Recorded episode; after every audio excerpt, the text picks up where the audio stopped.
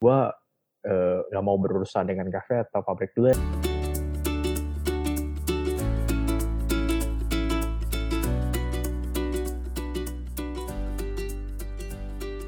Halo semuanya, selamat berjumpa lagi di Kerikil seperempat abad bareng gua Rafael yang masih belum bosen juga ditemenin sama Mbe dan masih ngelanjutin pembahasan soal bisnisnya. Sedikit recap lagi, jadi di minggu lalu kita udah bahas lumayan banyak juga soal bisnis value dan team building di balik pengorganisasian kafe. Dan sebenarnya kan kita udah ngobrolin soal bisnisnya Mbe ini dari tiga minggu yang lalu ya. Jadi buat yang belum dengerin nih episode-episode sebelumnya, saran gue sih mendingan kalian dengerin dulu deh, biar obrolan kita juga lebih nyambung. So, sekarang tanpa berlama-lama lagi, kita langsung aja lanjut buat ngobrol sama Mbe ya. Um, ya, yeah. by the way kan lo sekarang uh, mulai ngurusin di pabrik juga ya Mbe ya? Mm, ya kan? Benar. Itu, mm. uh, oh ya boleh dijelasin dulu nggak? Lu itu tuh pabrik apaan gitu Mbe? Ya, jadi pabrik gua itu pabrik keluarga. Jadi kayaknya kalau orang yang mendengar ini terus nggak kenal kita berdua, benar-benar kayak ini orang sih B-nya sombong banget. Enggak, enggak, enggak kayak gitu. Maaf ya, enggak, enggak. Saya tidak bermaksud untuk menyombong sama sekali. Tidak bermaksud hidup gue enak-enakan, enggak gitu juga. Tapi emang tapi, ya. ya, uh, itu tidak bisa dipungkiri, tapi ya, tapi bukan berarti menyombongkan. uh, pabrik keluarga itu uh, pabriknya bergerak di bidang tekstil. Jadi emang hmm, sudah ada dari zaman my grandfather. Jadi ya uh, bukannya harus menyangkut ke episode 2 yang baru gue dengarkan dari podcastnya Revi. Apakah bisnis keluarga harus diteruskan? Sebenarnya tidak. menyangkut ke sana sebenarnya. Jika belum mendengarkan silahkan mendengarkan episode 2. Wah dipromosiin. ya cuman itu sih. Cuman uh, kenapa kalau misalkan ditanya kenapa udah buka kafe masih tetap pengen ke yang bisnis keluarga. Ya gua sih lebih ke arah karena emang dari awal gue pengen masuk bisnis, pengen jadi pembisnis karena gue menjadikan role model itu uh, bokap sih, yang which is pembisnis juga di dalam dalam pabrik gue sendiri ini. Jadi ya, hmm, karena gue sudah memutuskan itu, hmm, toh maksudnya kafe juga bukannya gue ngomong gue udah gue lepas ya, tapi kan lu nggak 24-7 mikirin tentang kafe juga gitu. Tuh. Lu pasti ada beberapa hari yang bisa lu luangkan. Gitu. Nah, yang luangkan itu ya gue bergerak ke, ke pabrik kayak gitu loh. Jadi ya, kalau misalkan suka nggak suka, gue masih nggak tahu sampai sekarang dalam pabrik ini pabrik tekstil ini ya jadi ya gue jalanin aja dulu lah gitu begitu hmm. sih ya untuk sekarang gue bergeraknya di kafe dan di pabrik hmm. nah itu lu ngebagi waktunya gimana be kan di hmm. pabrik juga lumayan sibuk kan harusnya kan dan di kafe juga kan maksudnya lu technically ya harus ngejagain terus gitu kan itu kan kayak ya anak lu juga gitu kan nah lu hmm. cara cara ngebagi waktunya gimana di, di tengah dua prioritas yang cukup penting ya kalau gue bilang Makanya dua-duanya partneran sih, mau kafe mau pabrik. itu sih. kafe makanya partneran. Hmm. Uh, jadi ya ketika gue emang lagi ada urusan pabrik ya gue bisa nyuruh bukan nyuruh ya minta tolong ke partner untuk ngehandle sih.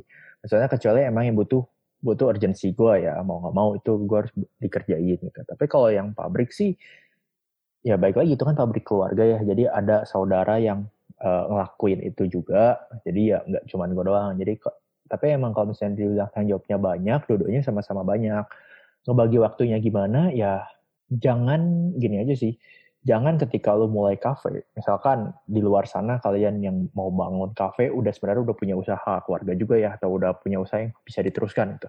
Jangan lu bikin usaha baru terus belum stabil loh udah udah masuk yang yang lu pengen terusin. Itu jangan pernah kayak gitu. Ya kalau kayak gitu caranya ya nggak akan pernah bisa dibagi waktunya kalau gitu caranya. Toh belum stabil ini ya lu bakal terus-terusan di anak lu itu gitu tuh nggak? Sedangkan kalau gue tuh kan emang gue tuh baru ke pabrik pun emang ketika gue udah menunggu kafe gue sendiri stabil.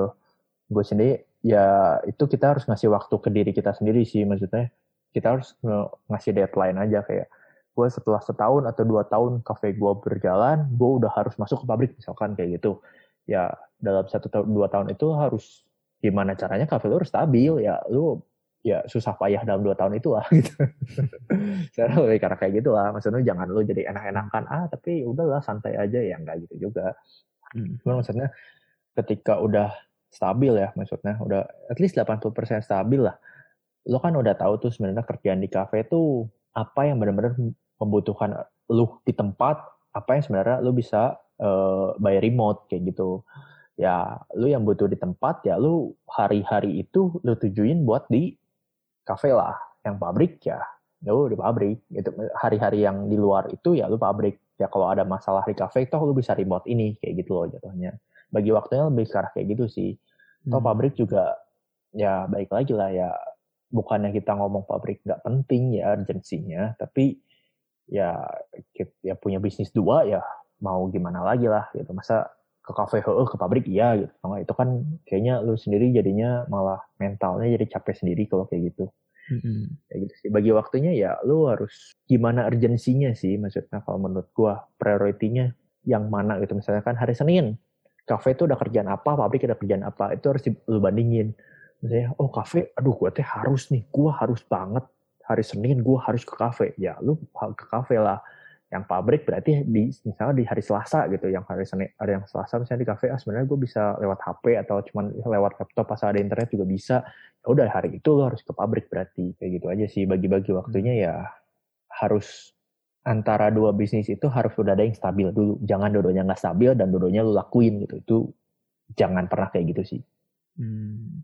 Nah kan jadi intinya kan lo kayak berusaha bisa ngehandle dua-duanya uh, dengan syarat lo ngelihat si tingkat urgensinya. Nah tapi kalau misalnya nih kan ini seiring berjalannya waktu kan pasti dua-duanya kan bisnisnya bakal berkembang kan. Otomatis mm. dengan berkembangnya bisnis pasti lo uh, butuh involvement yang lebih juga. Mungkin nggak nanti satu saat kayak lo akhirnya ngelepas salah satu? Mungkin sih ada kemungkinan mah ada lah ya karena emang kalau ngomongin mah, uh, eh, gue cukup suka dalam bidang F&B. Emang karena itu cita-cita gue cukup dari SMA ya, ingin bikin kafe dan e emang gue cukup suka makan juga. Jadi gue cukup suka F&B lah bisa dibilang gitu. Jadi kalau dodanya udah jadi gede banget sih ya gue akan melepas pabrik sih sejujurnya.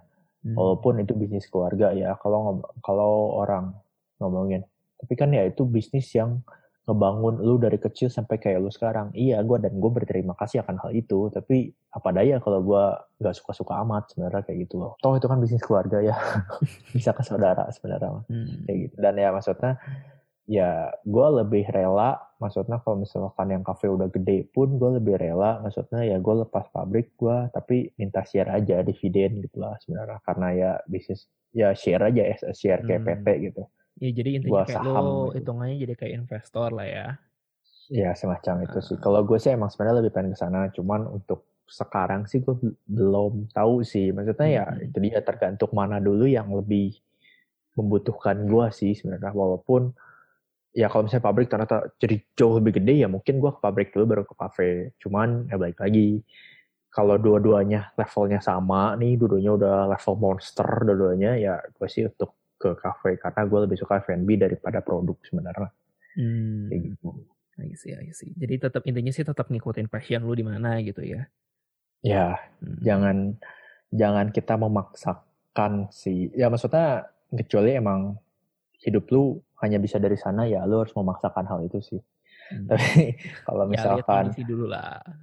kalau misalkan emang ada choice di luar itu ada pilihan setelah, di luar itu yang ya itu yang pilihan itu passion gue banget nih ya cobain aja lu lakuin itu gitu nggak maksudnya ya kalau bisa berhasil kenapa enggak gitu aja hmm. dan jangan jangan takut untuk ngelepas lah nggak ngelepas, ngelepas lah tapi kan nggak ngelepas total ya lu bisa nge-hire orang lu bisa apa itu tuh kan bisa sebenarnya jadi hmm. ya nggak selalu kata ngelepas tuh involvement lu jadi 0% gitu kan enggak hmm. Ya intinya sih pilihan apa pun yang kita lakukan itu ya valid-valid aja selama itu didasari dengan um, apa ya pemikiran perencanaan yang solid gitu. Tapi uh, perlu disadari juga setiap pilihan itu ada konsekuensinya gitu kan ya. Nah oke okay, oke. Okay. Um, sekarang kan intinya jadi kan lu kerjaan sehari-harinya kan dipenuhi dengan kegiatan di kafe dan di pabrik. Sempat jenuh gak sih? Jenuh pasti ada sih, jenuh mah. Terus Gak mungkin jenuh? ada sih. Jenuh, lu membahagiakan diri sendiri aja. Dengan cara? Ya apa-apa, lu suka olahraga ya olahraga. Hmm. Nah maksud gua untuk hidup kerja dan kalau gua kan tipenya hidup kerja dan hidup pribadi kalau bisa seimbang lah maksudnya. Lu jangan yang kerja terus, emang duit lu banyak, tapi lu eh, apa kehidupan sosial lu tuh sedih banget gitu. Ya nggak gitu juga, tapi jangan lu berfoya-foya bahagia sedemikian rupa, tapi bisnis lu gagal semua ya nggak gitu juga kan. Hmm. Tapi maksudnya kalau ngomongin kayak kafe ada jenuhnya atau enggak ya pasti ada lah. Kayak pabrik ada jenuhnya ya ada lah gitu. Gimana ngatasinnya ya sebenarnya eh, ya kalau misalnya gue lagi ke kafe terus jenuh ya mungkin gue ngobrol sama karyawan, ngajak ngobrol atau ya lihat-lihat HP, Instagram. ya tindakan orang pada umumnya bosan aja gimana sih sebenarnya. Ya sebenarnya jenuh ya karena kan gue juga mikirin saya kayak konsep marketing gitu. Misalnya mau ada promosi apa nih cafe gitu gitu kan. Sebenarnya kan karena bagian promosi sendiri kan udah ada dari partner gua. Dan gua kan nggak mikirin itu yang kayak seharian gua mikirin aduh apa ya? Eh, promosi apa lagi ya? Kayak itu tuh jarang lah gua untuk memikirkan maksudnya eh, full misalnya seminggu tujuh hari tujuh harinya gue mikirin. Itu tuh jarang banget tuh gue melakukan hal itu. Gue bener-bener kadang mikirnya bener-bener sepemikiran gue aja. Kayak dalam tujuh hari tiba-tiba lagi nyetir tiba-tiba kepikiran oh iya ini. Ya langsung gitu. Dia emang dibilang jenuh tapi semua kerjaan pasti ada jenuhnya nggak sih sebenarnya kalau menurut gue kalau dibilang pasti ada jenuh pasti ada lah gitu. Hmm. gimana ngatasinnya? Ya dibuat happy aja gitu. Jangan jangan yang kayak aduh gue jenuh banget nih. Atau enggak kalau misalnya emang lu bener-bener lagi jenuh banget di titik mumet banget ya lu lepas dari dua-duanya juga nggak apa-apa. Lepas dari kafe lepas dari pabrik gitu itu nggak apa-apa banget. Maksudnya lu coba eh, refreshing dulu misalkan. Tapi lu harus ngasih deadline gitu loh kayak oke gue cuma pengen libur tiga hari gue nggak mau diganggu. Ya tapi lu harus ngomong dulu maksudnya ke orang yang di pabrik atau orang di kafe baik itu partner baik itu saudara gitu. Terus ngomong gue nggak mau berurusan dengan kafe atau pabrik dulu ya selama tiga hari atau selama seminggu gitu ya. Ya jangan lama-lama juga kayak gue pengen enam bulan gitu ya mending udah mending lu keluar aja gerak gitu. Kalau itu mah ya nggak gitu juga gitu maksudnya lu harus tahu batasan lah harus tahu batasan tanggung jawab lu tuh sampai di mana gitu tau nggak? Jadi ketika lu emang udah jenuh banget ya lu minta cuti aja gitu itu bukan hal yang eh, nggak boleh kok gitu maksudnya. Itu bukan hal yang aneh gitu. Enggak kok nggak bo- lu nggak boleh cuti masa owner cuti ya ya masa owner nggak boleh libur gitu ya kayak gitu loh dia lu tetap lu boleh ngambil cuti tapi ya ada batasannya gitu. ada batasannya dan selama cuti itu ya lu melakukan apa yang lu senangi untuk menaikkan mood lu lagi kayak gitu aja sih karena ya menurut gue di tiap kerjaan pasti ada jenuhnya dan itu nggak Hmm. pernah bisa di nggak pernah nggak bisa nggak ada gitu atau nggak Ya intinya Hmm, sih mungkin ya jenuh itu wajar, cuman ya dan kita maksudnya nggak nggak bisa maksain juga ya kalau misalnya lagi jenuh ya emang kalau misalnya emang butuh refreshing ya refreshing lah gitu kan, jangan maksain juga Hmm. toh nanti otaknya mumet nggak efektif juga kerjanya. ya produktivitasnya menurun kok pasti kalau udah kayak gitu Hmm. Um, by the way, kita kan dari tadi udah ngomongin soal bikin kafe ini itu ini itu dan prospeknya, tantangannya gimana gimana. Tapi kan Hmm. sekarang eh, sebenarnya orang-orang masih tuh eh, pada buka kafe sana sini dan um, sebenarnya udah lumayan oversupply juga ya nggak sih? Menurut lu um, masih worth it nggak sih kalau misalnya ada orang yang masih mau buka baru lagi? dilema sih sebenarnya kalau kayak gini tuh dilemanya adalah karena dibilang nggak worth it ya nggak juga. Karena ya itu tiap orang pasti nyari yang baru sih. Eh, ketika yang baru terus oke ya orang mungkin bakal datang ke situ karena yang lama udah bosen. Tapi baik lagi ketika itu udah banyak banget orang juga bingung milihnya kan. Ya Hmm. dari A sampai Z aduh gue harus milih yang mana? Masa harus gue satu-satu harus gue datengin? Kan nggak gitu juga kan sebenarnya. Jadi emang sebenarnya itu tuh masih dilema sih kalau menurut dari gue sendiri ya kayak gue sendiri kalau misalnya apakah gue pengen buka kafe lagi? Pengen pengen banget gue sebenarnya. Tapi maksudnya eh ya itu dia udah banyak sebenarnya kafe di Bandung tuh. Cuman ketika lu udah punya nama ya udah lebih enak sih untuk buka cabang sebenarnya. Tapi kalau buka baru sih memang itu lu harus tahu sih di planning awalnya apa yang membedakan apa yang membuat orangnya bakal datang ke kafe lu aja sih. Si konsepnya itu tuh benar-benar harus unik banget kalau sekarang tuh benar-benar uniknya teh harus unik banget gitu. Nggak bisa yang kayak ah gua ngikutin aja gitu. Misalkan Trendful gitu. Hmm. gue ngikutin Trendful aja kayak gitu aja? Ya orang mending tetap aja konsensual gitu tuh nggak maksudnya? Hmm. ngapain ke tempat yang mirip tapi masih nggak tahu itu tuh reviewnya kayak gimana nih? Maksudnya hmm bintang apakah dia cuma dua bintang kah gitu atau hmm. ah mending ke Tensu yang udah pasti misalnya pas setengah bintang gitu ya kenapa enggak gitu atau hmm. walaupun misalnya lebih mahal misalkan kayak gitu gitu ya baik lagi itu ke konsep hmm, target market lo juga harus tahu kayak gimana. Nggak luar nggak cuma dari konsep tapi target market juga harus tahu. Maksudnya event yang mirip sekalipun misalkan ah tapi gue pengennya kualitasnya bawah aja jadi harganya juga bawah. Ya bisa tapi ya baik lagi. Lokasi lu gimana? Target market lu masuk nggak? Kayak gitu. Maksudnya kalau misalnya lu bukannya kayak di Setra Duta tapi yang which is Setra Duta kan kalangan tingkat atas tuh kalau di Bandung. Hmm. tapi lu uh, bukannya warung gitu. Ya kayaknya orang nggak datang ke sana deh. Kayak gitu loh. Hmm. tapi intinya sih uh, ya kita butuh perencanaan yang matang baik lagi dan kalau misalnya pun mau buka ya baiknya nggak bisa setengah-setengah gitu. Uh, harus menawarkan sebuah value yang unik kan itu kan tadi lu bilang mm. ya uh, harus cuma sekedar ngikutin doang oh ini ini laku kita ngikutin konsepnya nggak bisa kayak gitu tapi tetap harus kita menawarkan sesuatu yang berbeda. Soalnya hmm, waktu itu gue pernah denger di mana ya pokoknya intinya kalau misalnya lu mau sukses tuh daripada lu berusaha buat jadi sedikit lebih baik tapi sama-sama aja kelihatannya mendingan beda gitu daripada baik gitu. Iya memang mending beda sama sekali yang orang nggak tahu itu tuh lebih baik atau lebih buruk gitu. Hmm.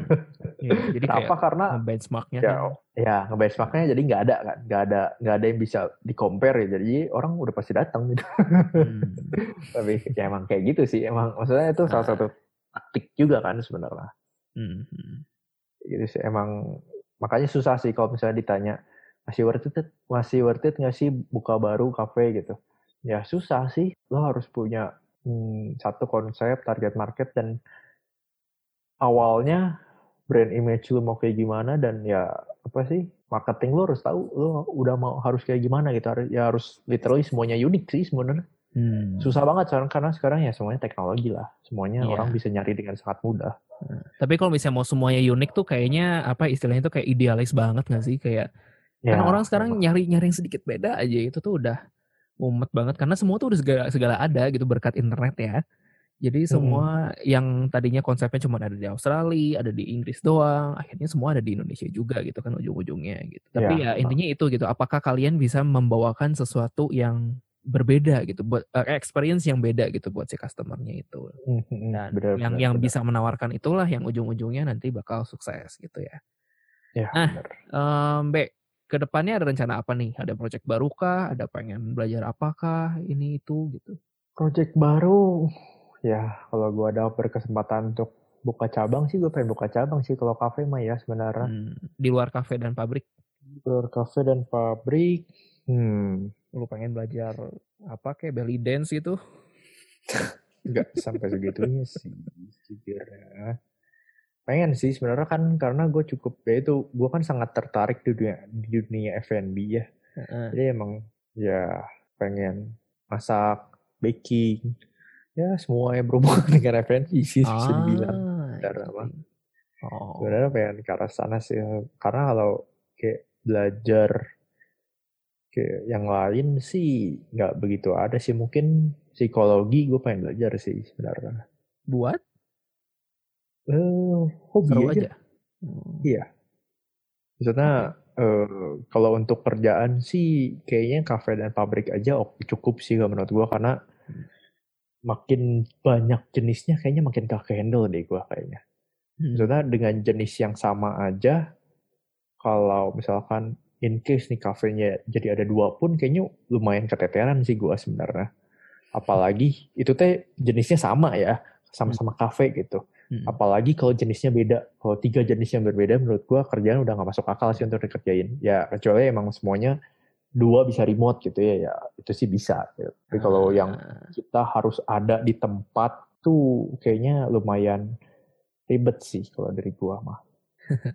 ya asal intinya sih ya tahu diri aja lah ya kapabilitasnya gimana jangan punya waktu uh, gimana uh, jangan overestimate diri sendiri ya tepatnya nah. Oke oke, uh, kayaknya kita udah cukup panjang nih ngobrolnya soal bisnisnya Mbe di kafenya. Well, semoga kalau misalnya kalian yang udah dengerin ini, kalian dapat banyak pelajaran dari bisnis beliau, cie beliau, wish. Beliau. Dan semoga terinspirasi juga pastinya. Dan buat yang tertarik nih sama Mbe, kebetulan dia masih single, masih single kan Mbe? Ya masih lah, masih single. Dan komisi yang tertarik ya bisa langsung datang aja ke Sitweek, ke kafenya, sekalian nyobain es kosunya yang katanya fenomenal. Um, kalau misalnya yang penasaran soal Sitweek tadi bisa di follow di mana, Be? Di Instagram at Sitweek at SYDWIC. Oke. At Sitweek. Facebook juga bisa dicari Sitweek aja. Sitweek aja. Sitweek aja gitu. Enggak, Sitweek. aja okay. in Sunda. Oke, okay, um, thank you banget Be buat sharing pengalamannya. Semoga sukses ke depannya dan jangan habisin stok rumput di dunia. Dan um, pastinya thank you banget buat kalian yang, yang udah ngedengerin podcast ini sampai habis setelah pembahasan yang lumayan panjang. Dan seperti biasa gue juga mau ngingetin kalau misalnya gue juga penulis buku dan buku gue yang berjudul Subjugation udah ada di Kindle. Buat yang belum sempat ngecek bisa cek lewat link yang ada di bio Instagram gue at @aukravin at a u g r a v i n. Gue Rafael, sampai bertemu di episode Kerikil seperempat abad berikutnya. Dadah! Dadah guys, dadah!